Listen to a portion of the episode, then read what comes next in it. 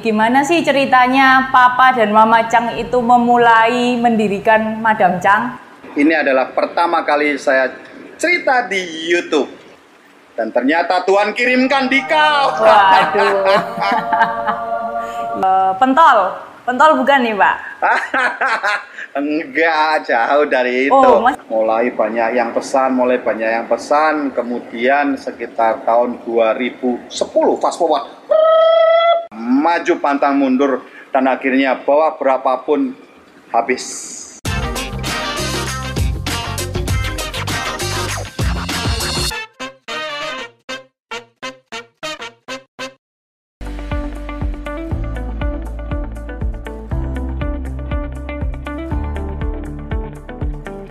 Iya ya, lucu Pak. Kalau diingat-ingat dulu sebenarnya malah kita ketemunya ini dari dikenalkan ya Pak ya waktu itu ya. Jadi memang Iya, saya pun kan awal-awal dari Instagram. Yang yang lucu kan begini.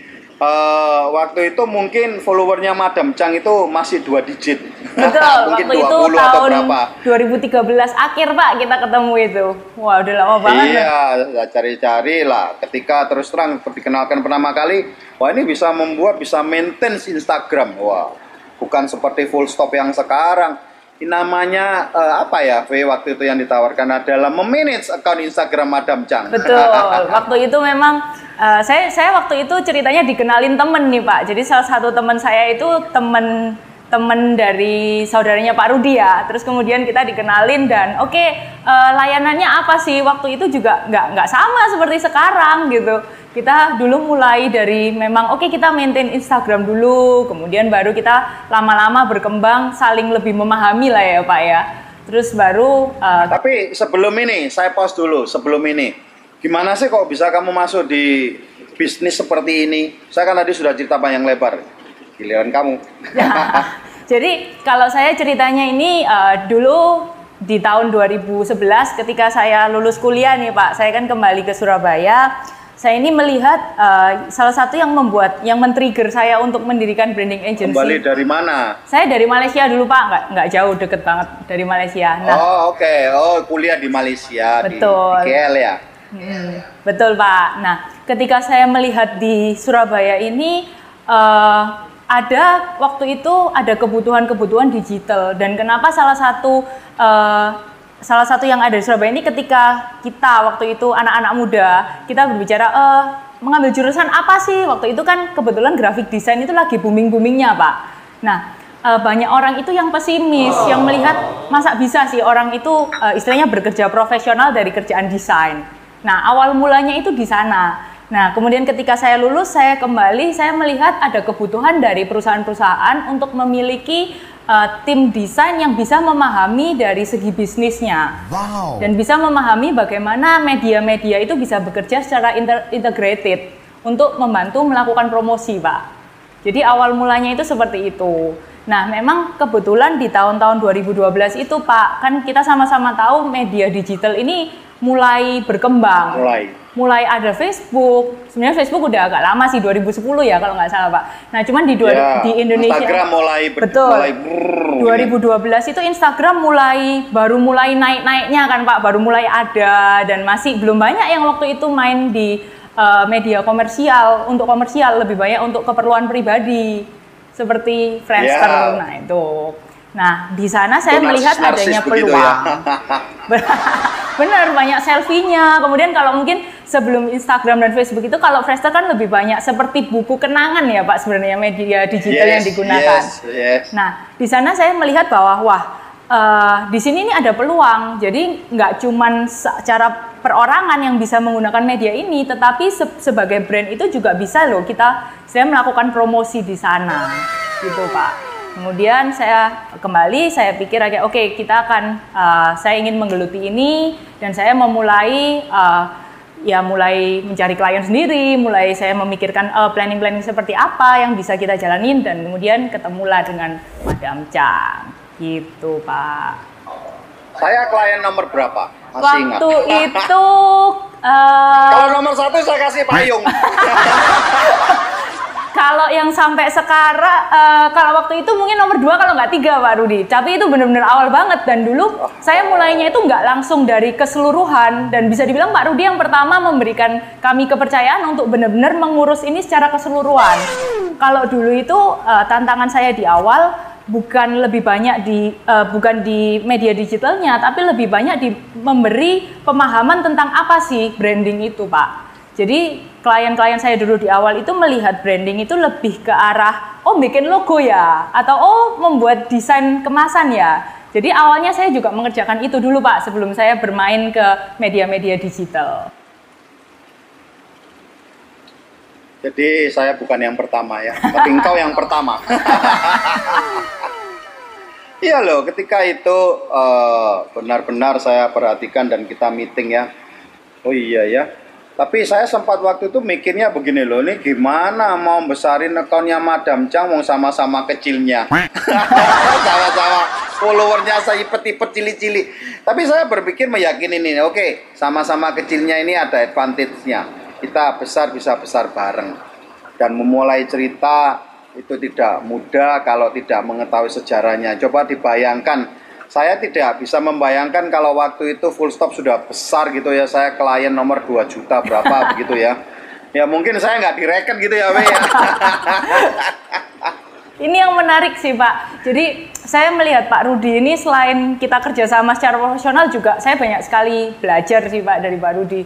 Benar-benar bagaimana cara menghandle dan membesarkan sebuah brand itu komitmen dari seorang owner itu benar-benar 100% Pak. Bahkan mungkin 1000% kalau saya lihat Pak. Benar-benar salut. Dan, jadi tidak mudah memang tidak mudah. Jadi saya sampai hari ini kita sudah tujuh tahun lebih bekerja sama itu. Ya tujuh tahun tujuh tahun tidaklah hal yang semulus semudah yang kita pikirkan. Uh, keringat tenaga, waktu, pikiran, air mata, darah dan semuanya. Sama-sama berjuangnya karena tidak mudah karena bisnis satu hal butuh speed ya. Betul, Pak. Jadi kadang-kadang yang yang sulit ini adalah adalah teamworknya ini, V ya. Betul, betul sekali, Pak. Jadi kalau saya melihat memang uh, dalam kita bekerja sama dalam saya sebagai branding agency juga uh, untuk kita membesarkan sesuatu sebuah brand itu memang benar-benar harus dari dua arah ya Pak Rudi dari uh, bisnis yeah. sendiri dan juga dari agensi harus sama-sama memiliki visi dan misi yang sama baru kita bisa enak lah bekerja samanya benar banget sih itu Pak saya belum pernah tanya ini we. di sini saya ingin tanya ketika saya minta bla bla bla bla bla bla kok berani kamu bilang ya padahal kan waktu itu sempat tadi dibilang oh waktu itu cuma ya desain logo, desain packaging dan semuanya. Ketika saya minta total begitu, kok diain gitu loh? Uh, karena begini pak, menurut saya uh, dari dulu impian saya adalah bisa membesarkan semua brand dan menurut saya sebagai agensi yang baik, uh, apa pun yang harus dilakukan itu ya harus kita lakukan karena goal kita ini adalah bagaimana brand ini bisa berkembang bersama jadi kita harus benar-benar uh, istilahnya gimana ya? Kita harus melakukan apa pun itu. Saya sering ngobrol Pak bahwa brand-brand ini adalah uh, kita membesarkan brand itu sama seperti kita membesarkan seorang anak. Jadi uh, kita harus mempelajari semuanya yang dibutuhkan, apa pun yang dibutuhkan itu yang harus kita berikan untuk brand itu agar bisa berkembang. Dan tujuan saya, fokus saya ketika kita berdiskusi Pak Rudi mau seperti ini, ini, ini, ini adalah saya memikirkan oh ini tujuannya baik pak, ini tujuannya benar-benar untuk membesarkan Madam Chang. Sehingga saya juga pasti ketika tujuannya itu bagus, saya akan melakukan 100% untuk membuat itu terwujud pak. Karena sekitar 7-8 tahun yang lalu ini mungkin tidak banyak orang yang yang yang berpikir mengenai branding itu betapa pentingnya branding ini ya. Cuma intinya biasanya ya kalau orang buka perusahaan itu yang penting ada logo, kartu nama, kop surat, amplop, itu mungkin ya. Betul. Dan yang menarik Pak, mungkin ini saya juga nggak pernah cerita ke Pak Rudi. Dulu sebelum saya ditemukan dengan Pak Rudi, saya sempat diinfo. Jadi ini loh ada restoran yang memerlukan jasa sosial media waktu itu. Nah sebelum saya ketemu, saya sempat main ke Darmo. Waktu itu kan outletnya masih separuh ya Pak, masih beberapa meja aja, belum ada yang extension, belum ada parkiran. Uh, belum ada extension parkiran itu Pak. Jadi saya sempat ke sana. Oh, kursinya masih 18. Iya, masih 18 banget kursi. Dan yang menarik ketika saya ke sana Pak, saya ke sana sempat dua kali sebelum ketemu Pak Rudi. Saya melihat itu hal yang sangat menarik adalah ketika saya order, uh, saya melihat ada display kulkas-kulkas itu Pak. Dan yang saya sangat-sangat tertarik untuk menangani Madam Chang adalah seluruh gelas yang didisplay di sana itu semuanya menghadap ke satu arah dengan posisi stiker yang sama semua, Pak. Nah, buat saya mungkin itu sepertinya seperti hal kecil, tapi buat saya itu merupakan suatu komitmen yang benar-benar wah, uh, pemilik bisnis ini itu benar-benar sangat mencintai produknya sendiri. Dan dari sana itu secara tidak sadar saya memiliki keyakinan juga bahwa brand ini suatu hari akan besar.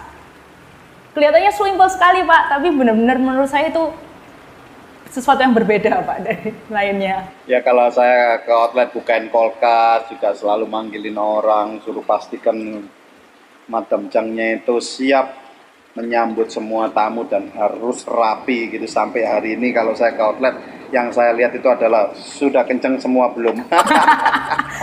dan itu benar-benar yang menciptakan tanpa disadari Pak waktu itu pun meskipun outletnya masih 18 eh, meja, 18 kursi itu Pak, tapi benar-benar menciptakan experience yang sama. Dan saya datang kedua kalinya pun itu experience-nya sama Pak. Dan ini yang membuat saya sangat yakin bahwa brand ini akan bisa besar. Ya, tapi tidak semudah yang dibayangkan ya. Saya ingin sesuatu, kemudian tim yang di lapangan bisa mengerti, padahal sudah dijelaskan ya selalu aja kadang-kadang begini, begini, begini ya. Tapi namanya satu perjalanan setelah mereka difaham, diberikan pemahaman dan akhirnya mereka bisa paham. I'm glad kalau ada orang yang notice seperti itu. saya terus saya terus terang rada kurang suka kalau saya ini datang ke mana pun juga terus mereknya itu waduh pencang pencong pencang pencong. Bagi saya, saya bagi saya seperti ini siap atau tidaknya kita menerima uh, para pembeli adalah dengan kesiapan dan keseriusan kita yang bisa kita tunjukkan dengan satu kebersihan dan kerapian Nah, itu I'm ready gitu loh ya. Tapi kalau bagi saya masih berserakan itu berarti we, we not ready. When we not ready, that mean kita belum siap menerima kamu gitu loh ya. ya kan nggak siap jualan berarti ya. Dan sampai hari ini di SOP-nya, di SOP-nya Madam Chang itu ada display cara display pun ada ada caranya begitu loh ya. Nah, kalau yang tersulit, Wei, yang tersulit, pertama kali yang tersulit kerjasama dengan Madam Chang ini apa? Yang tersulit adalah uh, memahami baik itu uh, brandnya dan juga uh, pemiliknya Pak. Itu yang tersulit. Karena saya ini orang yang percaya bahwa ketika kita bikin bisnis, mungkin lebih ke arah bisnis uh, men kecil menengah ya Pak, itu bahwa sebuah brand ini adalah betul-betul uh, representatif dari orang yang ada di belakangnya. Jadi di awal-awal kerjasama itu fokus saya yang terutama adalah saya harus ngerti nih uh, apa sih sebenarnya yang menjadi visi dan misi dan yang menjadi mimpi dari uh, owner dari brand itu. Dalam hal ini ya tentunya Pak Rudi dan juga uh, Bu Panca. Tapi waktu itu staff kamu berapa orang ya, V ya? Saya dulu mulai ketika handle Madam Chang itu saya mulai dengan cuma enam orang, Pak. Jadi bener-bener kita masih kecil banget waktu itu. Wow, itu 6 sudah besar. Madam Chang waktu itu mungkin cuma 15 orang, Ve. wow. Ya, kita cuma 15 orang. Tapi kan tentunya 6 itu uh, berbeda-beda, Pak. Jadi kita punya waktu itu uh, satu orang desainer, satu orang mungkin yang uh, copywriter. Kalau untuk desainnya sendiri ya benar-benar cuma sat, uh, dua orang mungkin waktu itu, Pak. Sebetulnya ya, Ve, kalau saya boleh confess kenapa uh, YouTube ini saya buat bersama Full Stop karena ini bentuk apresiasi saya kepada Full Stop. Uh, saya tidak bisa memberikan apa-apa selain memberikan satu uh, platform ini untuk kamu dan saya kepingin nyari-nyari juga waktu itu siapa yang yang memperbolehkan menginterview saya begitu. Wong biasanya saya menginterview orang sebagai hostnya. Jadi saya pikir-pikir salah satu penghargaan saya mungkin yang bisa saya berikan adalah dengan satu frame kepada orang yang turut membesarkan Madam Chang ini gitu V sebetulnya. Wah. Saya belum pernah cerita ya. Hmm, thank you, thank you Pak. Wah. uh, Jadi saya kepingin benar-benar sekarang di satu tahapan saya kepingin uh, dunia tahu bahwa Madam Chang itu tidak akan pernah bisa besar sendiri tanpa satu uh, tim yang sangat kuat di belakang Madam Chang. Karena menurut saya itu begini, satu perusahaan bisa besar kalau produknya bagus, amin di bagian productionnya kuat, kemudian back office-nya kuat dan marketingnya kuat. Nah, marketing ini tentunya saya bisa punya konsep, tetapi maybe I'm not an artist gitu. Jadi saya butuh artis yang mengerti jalan pikiran saya dari sini mau ke mana. Dan terus terang memang tidak mudah di awal-awal itu ya apa pun yang kamu kasihkan ya mesti saya kembalikan gitu loh karena belum mengenali tadi itu ya. Betul. Ma tapi sekarang tapi sekarang saya sudah ngomong apa sudah jadi apa gitu loh ya karena karena karena ya sudah mengenal persis lah kurang lebih lah ya. Betul pak. Dan memang yang menarik uh, yang mungkin satu hal yang menarik itu adalah ketika kita kerjasama dan ada masalah, maksudnya bukan masalah ya, mungkin ketidakcocokan secara konsep ini kan sebenarnya kita selalu punya pilihan Pak, kita akan maju terus atau kita menyerah di tengah-tengah. Nah mungkin yang uh, semangat yang saya sangat uh, belajari juga dari Madam ini adalah bahwa apa pun yang terjadi kita harus terus maju Pak. Itu benar-benar. Nah, biarpun biarpun kalau kita inget-inget ya, kayak berantemnya juga banyak, saya marah juga sering. Tapi saya satu hal, kalau kalau kita ingat-ingat, saya selalu bicara begini. Ketika saya tidak suka dengan sesuatu itu, that's mean nothing personal, bukan saya tidak suka dengan pribadi dari uh, Felicia, tetapi dari cara berpikirnya yang untuk produk ini, cara ini, ah, jadi cuma itunya. Maka itu tidak pernah attack personal, I mean, ya semua butuh waktu lah. Saya sangat appreciate kamu juga bisa tahan sama saya. Oke, okay, kalau kita bicara nih, uh, sebetulnya yang saya tanyakan adalah apa sih yang terberat dari membesarkan satu brand ini? Dari pengalaman kamu selama 7-8 tahun terakhir iya. gandengan sama saya terlepas dari Madam Chang ini, apa yang kamu kira-kira garis merah itu? Yang terberat adalah konsistensi Pak, kalau menurut saya. Itu terpenting sekali dalam kita membesarkan sebuah brand. Konsistensi tetapi konsisten itu bukan berarti stagnan. Jadi konsisten tapi tetap kita harus ngikutin yang namanya perkembangan Pak.